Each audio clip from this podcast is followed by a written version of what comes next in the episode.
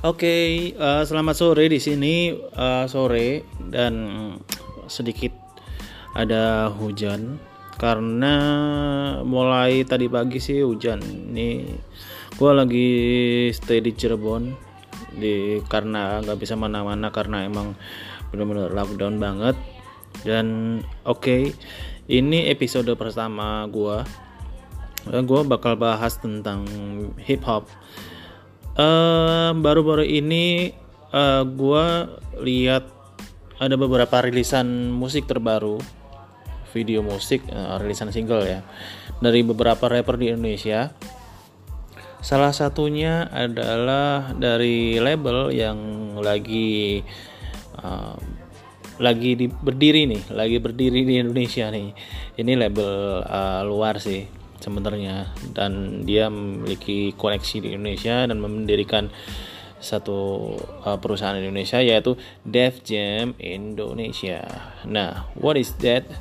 Uh, Def Jam itu salah satu label di luar ya, salah satu label besar di luar dan yang base-nya ada di Amerika gitu dan menaungi beberapa rapper-rapper seperti apa ya dulu ya banyak ada 50 Cent ada ada uh, Slim Shady uh, siapa tuh? Eminem Slim Shady.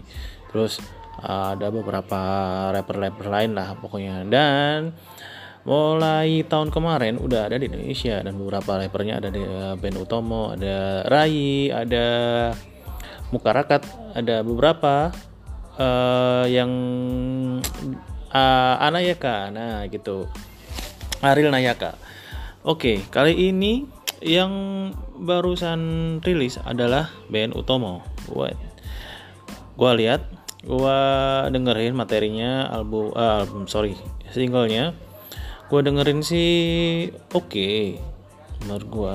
Tapi di sini ada beberapa kontroversi nih. Nah, dan gua lihat beberapa komen-komennya di di uh, Instagramnya band itu ada banyak komen yang sedikit uh, ada yang menghujat lah ada yang inilah ada yang inilah ada yang ini. Terus ada yang komen uh, kayak maksudnya ada yang komen oh, komennya kayak gini nih gimana mau maju musik hip hop Indonesia? Ya men menurut gua sih itu pribadi masing-masing ya. Karena uh, selera musik orang kan beda-beda Nah, mungkin yang dibawa band itu musiknya kurang disukai sama yang komen seperti itu. Dan uh, beberapa lagi ada yang komen kayak oh ah, musiknya beatnya keren tapi ini gini-gini nah uh, menurut gue sih kalau kalau masalah selera musik itu kan emang beda-beda dan uh, gue tahu tujuannya uh, Def Jam nih di Indonesia mungkin lebih memperkenalkan musik hip hop yang berkualitas ya. Tapi nggak tahu nih dari segi segi orang lihatnya uh, ini musiknya mainstream ada gimana nih? Gitu kan. Kalau menurut gue pribadi sih ini emang musiknya kurang mainstream. Jadi singlenya band Utomo yang baru sama Def Jam ini kurang mainstream. Jadi kayak kurang uh, merakyat di telinga orang gitu kan. Tapi kan tapi kan uh, apa namanya itu keren gitu loh. Tapi itu keren. Menurut gua keren musiknya. Dari segi beat dari segi itu uh, semuanya lah. Satu packaging itu keren gitu loh. Ya mungkin mungkin gara-gara kurang uh, kurang meng Indonesia atau kurang kurang bisa nempel telinga orang-orang yang komen seperti tadi itu uh, mungkin aja itu yang bikin mereka komen kalau musiknya gak eh, kalau lagunya gak enak liriknya apalah ini itu tuh gue lihat sendiri yang komen. Lucu-lucu sih emang.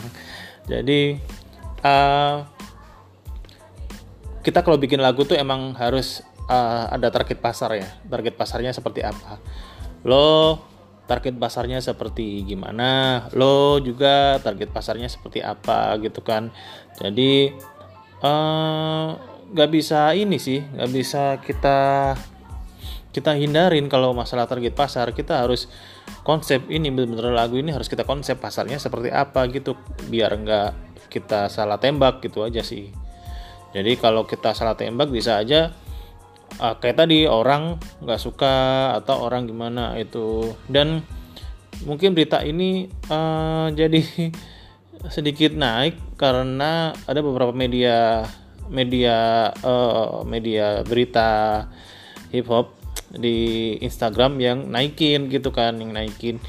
Jadi mungkin ini bisa jadi pelajaran buat kita semua. Kalau kita bikin lagu tuh kalau bisa kita harus uh, ini nih kita harus lihat target pasar nih. Jadi kita mau rilisnya seperti apa targetnya ke mana gitu jadi kita sebagai artis juga harus terima kayak misal we have haters ya kan?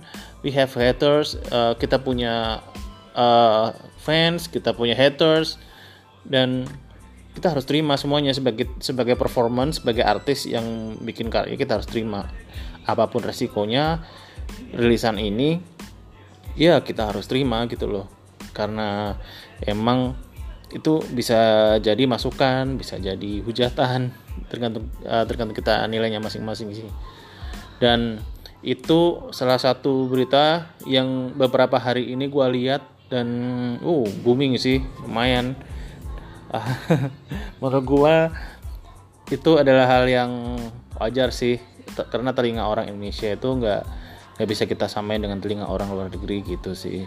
Dan ini menurut gua ya gue uh, biar nggak salah omong ini menurut gue pribadi gitu seperti itu. Sebagai seorang produser juga gue sebagai orang uh, pelaku hip hop juga jadi gue lihatnya dari segi itu sih. Dan mas kalau masalah kekerenan keren emang gitu. So uh, kalian jangan lupa buat dengerin podcast ini.